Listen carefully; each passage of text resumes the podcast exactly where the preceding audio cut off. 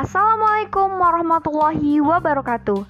Saya Yesika Salsabila Arifin, mahasiswa Universitas Maritim Raja Ali Haji, Fakultas Keguruan dan Ilmu Pendidikan, dalam program studi Pendidikan Matematika dengan nomor induk mahasiswa 2103020013.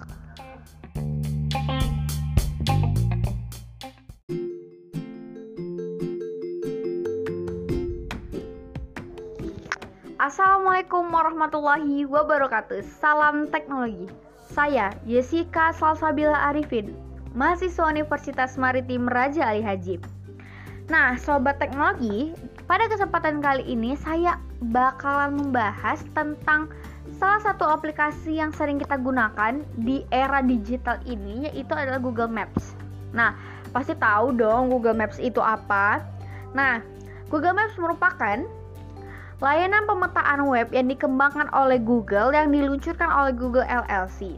Nah, layanan ini memberikan citra satelit, peta jalan, panorama 360 derajat, kondisi lalu lintas, dan perencanaan rute untuk berpergian dengan jalan kaki, sepeda, mobil, ataupun angkutan umum. Nah, itu tuh kata Google. Namun, dalam bahasa kita nih, Google nih kayak peta gitulah, peta digital. Jadi kita bisa pergi ke mana-mana dengan bawa peta nih. Jadi nggak nyasar-nyasar gitu loh. Jadi kalau misalnya kita mau nongki nggak aduh di mana ya? Saya kesesat nih. Jadi nggak perlu kayak gitu lagi.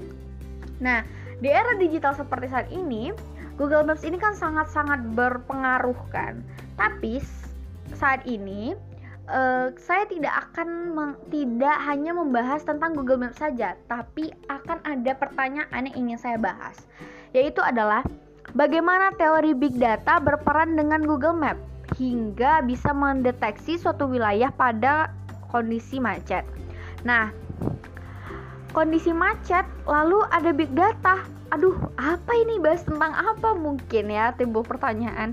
Nah, kita akan di sini akan menitik beratkan kepada untuk mengetahui big data itu apa sebenarnya lalu kaitannya apa dengan Google Maps yang bisa mengatasi macet. Nah, Tadi kan kita sudah bahas tuh tentang fungsinya si Google Maps ini apa. Google Maps itu ya memberikan kita peta lah ya untuk pergi ke mana-mana. Tapi tanpa kita sadari bahwa ketika kita mengakses Google Maps ada garis berwarna merah atau berwarna biru yang menjadi pertanda pada jalur Google Maps. Nah, itu merupakan suatu sekumpulan data yang dimiliki oleh Google, mulai dari data pencitraan satelit, kemudian berbagai sensor yang dipasang di jalan, hingga input data pengguna Google Maps yang dideteksi oleh Google melalui GPS yang kita hidupkan. Nah, selain itu, untuk skala yang lebih luas, kita sering lah ya pastinya menerima notification, notifikasi untuk mereview nih. Oh iya tadi kita uh, tadi kalian tuh udah kata Google ya eh kalian tuh udah udah kami bantu nih coba deh review jalannya. Jalannya itu bagaimana cepat sampai nggak? Efisien nggak? Sesat nggak nih jalannya? Nah secara sederhana itu bisa kita sebut dengan big data. Nah mungkin oh, kok itu disebut dengan big data ya? Nah kita bakalan bahas tentang big data apa sebenarnya big data itu Big data adalah sekumpul sebuah istilah umum yang mengacu pada teknologi atau teknik untuk memproses, menganalisis sebuah kumpulan data yang memiliki jumlah yang sangat-sangat besar. Baik secara terstruktur, semi struktur atau tidak struktur. Nah, ada banyak nih tantangan ketika kita menghadapi sesuatu yang berhubungan dengan big data, mulai dari data yang diambil, disimpan hingga masalah keamanan. Begitu juga nih dengan uh, si Google Maps tadi. Tapi ternyata tidak hanya Google Maps nih yang menggunakan big data. Nih, saya kasih tahu ya. Big data itu bisa kita contohkan seperti ini. Ketika kita ingin ketika kita mengunjungi suatu situs web atau ketika kita mengklik dan berapa lama nih kita searching di suatu web gitu kan? Atau ketika kita mau pakai Google Maps mau kita ke mana nah itu juga bisa. Atau ketika kita belanja nih di Shopee di di Tokopedia atau e-commerce lainnya. Ataupun ketika kita naik Gojek, Uber itu juga bisa sebagai big data. Atau ketika, ketika kita memposting uh, foto, video ataupun reels yang seperti di Instagram, di TikTok ataupun di aplikasi lainnya itu bisa menjadi uh, sebuah big data. Nah, lalu pertanyaan yang tadi yang ingin kita bahas tuh muncul loh jadi kaitannya apa nih big data dengan si Google Maps ini? Nah, big data ini adalah dia kan menyediakan data dan memfasilitasi kita untuk mengolah data tersebut. Yang mana ada seorang aktivis aktivis luar, dia itu membuat suatu buku namanya itu adalah Andrew Andrew McAfee. Dia membuat suatu buku yang berjudul Big Data The Management Revolution. Nah, di situ dia mengungkapkan nih ada tiga hal signifikan jika kita merujuk kepada big data. Yang pertama adalah volume. Big data adalah sebuah revolusi digital yang saat ini sedang melanda dunia. Nah, pada tahun 2012 si McAfee ini uh, bilang kalau misalnya akan tercipta 2,2,5 extra bytes setiap harinya. Namun 40 bulan, setiap 40 bulan angka tersebut akan meningkat dua kali lipat. Nah, itu tentang si volume. Jadi uh, kaitannya uh, jadi si Make a View ini membahas tentang yang pertama tuh volume. Jadi si big data ini pasti membahas tentang volume-volume data yang sangat-sangat besar. Lalu yang kedua ada velocity. Velocity ini seperti kecepatan. Jadi kecepatan Kecepatan mampu membuat peluang bagi perusahaan untuk memenangkan persaingan yang lebih baik daripada saingannya. Jadi, big data ini selain menyajikan data atau informasi yang besar, ia juga bisa memberikan analisis yang cepat nih. Jadi, bagi para perusahaan-perusahaan ini bisa kayak, oke okay, kita gunakan saja big data, jadi langsung dapat tuh analisisnya. Nah, yang ketiga ada variety. Variety, aduh susah banget ya, variety atau variasi.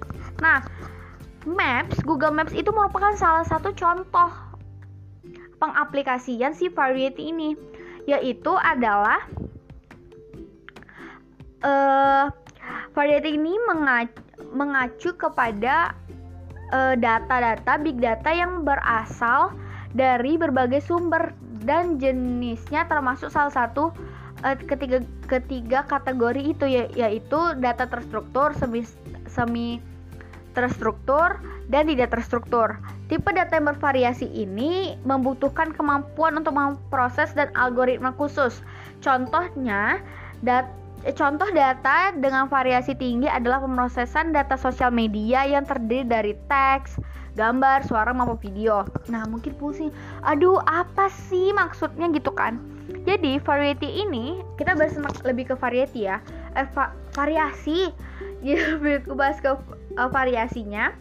Ini jadi si variasi ini bisa kita uh, bisa siapa saja tuh mengaksesnya seperti si Google Maps itu.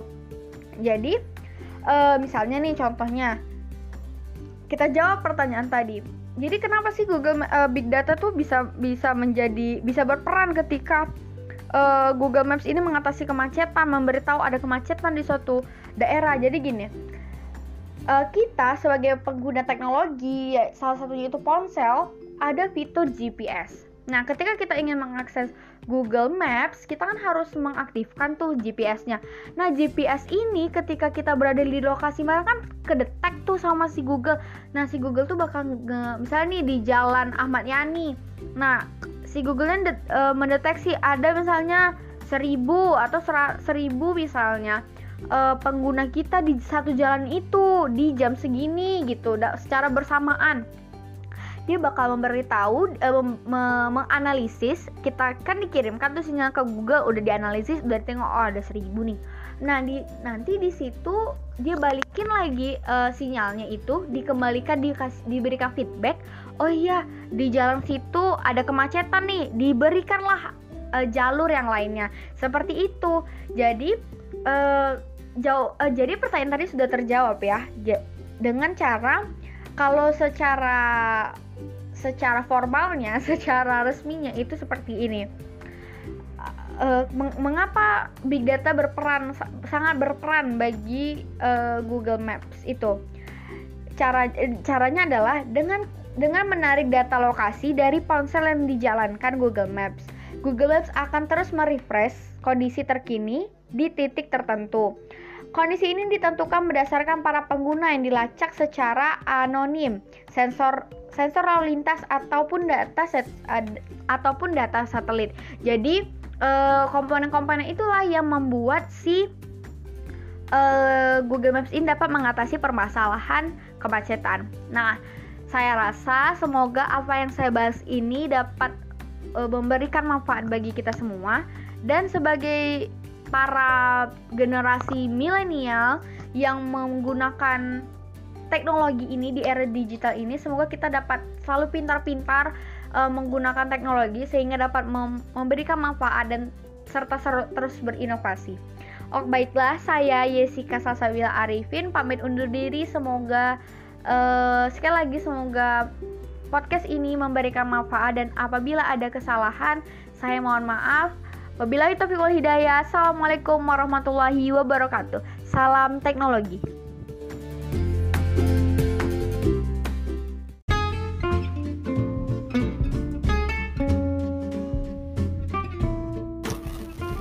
Assalamualaikum warahmatullahi wabarakatuh Salam teknologi. Hai Sobat Digital, kembali lagi nih sama saya Yesika Salsabila Arifin.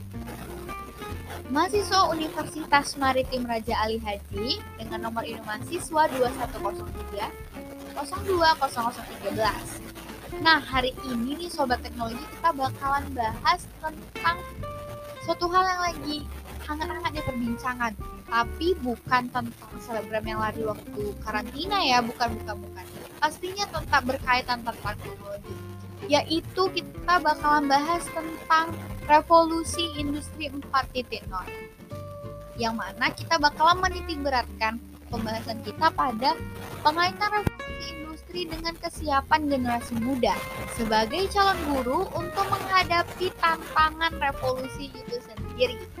Nah, sebelum kita masuk nih kepada hidangan utama, maaf hidangan utama. Aduh belibet banget ya saya ngomong gini gara-gara excited.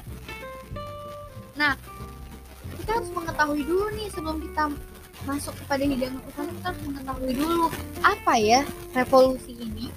Nah revolusi merupakan suatu istilah yang menyatakan perubahan yang sangat cepat dan fundamental serta bersifat disruptif.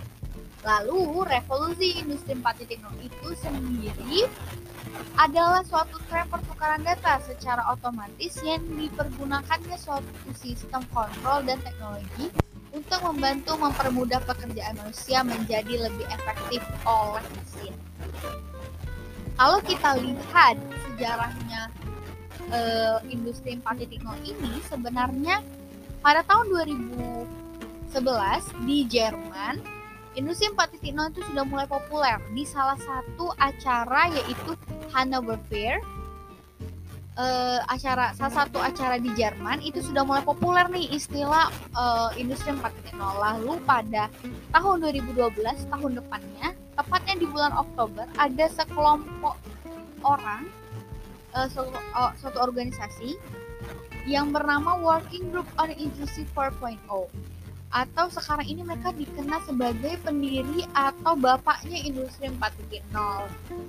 Nah, ternyata di tahun itu mereka sedang menggalakkan untuk mengenalkan, menyarankan dan merencanakan pelaksanaan industri 4.0 kepada pihak pemerintah Jerman.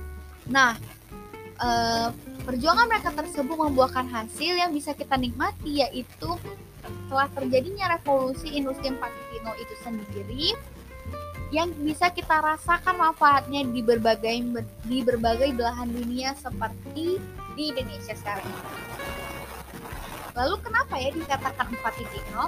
Hal itu di, disebabkan oleh perubahan perubahan perubahan telah terjadi tiga kali terhadap uh, terhadap industri itu sendiri. Jadi sekarang ini merupakan perubahan keempat, makanya diberi nama uh, perubah uh, industri 4.0. Lalu ketika kita lihat tadi, ketika kita lihat pemaparan saya di pengertian industri 4.0, uh, tujuannya ini untuk membantu pekerjaan manusia. Yang mana hal itu membuktikan bahwa industri 4.0 ini memberikan dampak-dampak bagi kehidupan manusia. Ternyata dampak-dampaknya ini tidak hanya terjadi di bidang-bidang seperti bidang ekonomi saja, tidak. Ternyata dia juga berdampak di bidang sosial, di bidang politik, lalu bidang ekonomi tentunya, dan di bidang pendidikan yang bakalan kita jadikan highlight pada hari ini. Nah, apa ya dampak revolusi industri 4.0 ini bagi bagi pendidikan, terutama di Indonesia ya? Nah, Pendidikan di era industri 4.0 ini adalah fenomena yang merespon kebutuhan revolusi industri dengan penyesuaian kurikulum baru sesuai dengan kebutuhan di era ini. Kurikulum tersebut mampu membuka jendela dunia melalui genggaman, contohnya dengan memanfaatkan Internet of Things. Jadi, kita bisa e, merasakan dampaknya industri ini dengan cara memanfaatkan teknologi-teknologi yang ada salah satu contohnya yaitu internet of things. Nah, selain itu e, internet selain itu industri 4.0 ini juga dapat melahirkan jiwa-jiwa inovasi, jiwa-jiwa kreatif yang akan melahirkan e, karya-karya baru, inovasi-inovasi inovasi baru. Begitu juga dari sisi pengajar Pengaj uh, tenaga pengajar juga bisa memperoleh uh, banyak referensi dan metode pengajaran yang bisa diaplikasikan dalam uh, kehidupan ketika ia mengajar. Nah, kalau kita lihat nih ya, wah ternyata industri 4.0 ini banyak banget manfaatnya. Namun ternyata ada tantangan-tantangan nih harus yang harus kita hadapi. Terlebih lagi, Indonesia masih dikatakan sebagai negara yang kesulitan beradaptasi terhadap 4.0. Seperti yang kita ketahui bahwasannya pendidikan Indonesia ini tidak rata maksudnya. Ada daerah-daerah yang masih tertinggal, ada daerah yang sangat-sangat baik eh, cara pengadaptasiannya ada juga di daerah mungkin daerah-daerah terpencil masih kurang beradaptasi kepada teknologi. Nah, adapun tantangan-tantangan itu sebagai berikut. Yang pertama adalah banyaknya SDM yang kurang melek terhadap generasi teknologi atau gagap terhadap teknologi. Nah, orang-orang yang gagap teknologi ini bisa dikatakan sebagai digital immigrant atau pendatang baru. Nah, kalau uh, orang pendatang baru atau yang gagap teknologi disebut dengan imigran, lalu orang yang cakap teknologi disebut apa ya? Orang yang cakap teknologi disebut dengan naratif digital atau penduduk asli. Jadi uh, permasalahannya adalah tantangannya adalah uh, banyak sekali tenaga pendidik itu yang masih kurang bisa mengaplikasikan dan menggunakan teknologi itu sendiri. Jadi mereka uh, kurang merasakan manfaat dari revolusi industri 4.0 itu sendiri. Lalu yang kedua ada uh, literasi teknologi ini juga merupakan satu hal yang sangat amat luas yang mana banyak hal yang perlu dilakukan dan terkadang rumit sehingga peserta didik kesulitan untuk move up. Nah, hal ini berkaitan juga dengan uh, poin sebelumnya yang mana teknologi ini kan luas ya, banyak banget yang bisa kita ambil, bisa kita pelajari jika kita mampu dan melek terhadap teknologi itu sendiri. Nah, bagaimana kalau misalnya sumber daya manusia kita ini uh, tidak tidak cakap dalam menggunakan teknologi. Nah kita dia tidak bisa merasakan manfaatnya. Nah apalagi sekarang ini banyak banget ya uh, pemanfaatan teknologi yang bisa kita gunakan. Maka dari itu uh, ada dua poin yang tadi saya sebutkan. Uh, masalah SDM-nya dan masalah bagaimana uh, luasnya teknologi itu. Hal itu menuntut kita sebagai calon-calon tenaga pendidik, sebagai calon-calon uh, guru yang mana akan menjadi agen-agen mencer yang mencerdaskan generasi-generasi bangsa ini harus mengambil hikmah, harus meng mengutip pelajaran bahwasanya kita yang masih uh, belajar untuk menjadi tenaga pendidikan selain ilmunya yang harus kita siapkan, ilmu uh, pengetahuan yang kita siapkan, ternyata kecakapan untuk menggunakan teknologi ini harus juga kita uh, kita asah karena uh, ketika kita bisa menggunakan teknologi dengan baik bakalan memberikan manfaat-manfaat bagi uh, proses belajar mengajar kita di kehidupan kita nantinya. Yang mana akan melahirkan uh, akan melahirkan jiwa-jiwa kreativitas sehingga antara kita dan peserta didik kita nanti akan me, akan menciptakan suatu inovasi-inovasi baru yang akan memberikan manfaat bagi uh, bagi uh, bangsa kita sendiri yaitu bangsa Indonesia. Nah, maka dari itu ketika kita mau ketika kita mempunyai niat untuk belajar maka tidak ada hal yang tidak mungkin terjadi Sebaliknya, jika kita jika kita sudah tidak bisa, kita tidak mau berusaha, hal itu akan menjadi bumerang. Kita akan tertinggal sebagaimana yang kita ketahui di treadmill lah ya. Contoh kita ambil e, contoh di treadmill. Ketika kita diam maka kita akan mundur. Kita tidak mau dong menjadi eh, agen-agen yang aduh terbelakang nih. Jadi gimana peserta diri kita nanti? Hal itu harus kita pertimbangkan. Jadi uh, marilah kita sebagai calon-calon uh, guru, calon-calon uh, tenaga pendidik harus bisa menguasai dan memanfaatkan teknologi itu sendiri serta kita dapat merasakan oh iya ya ternyata revolusi industri 4.0 itu benar ada ini saya sudah merasakan manfaatnya.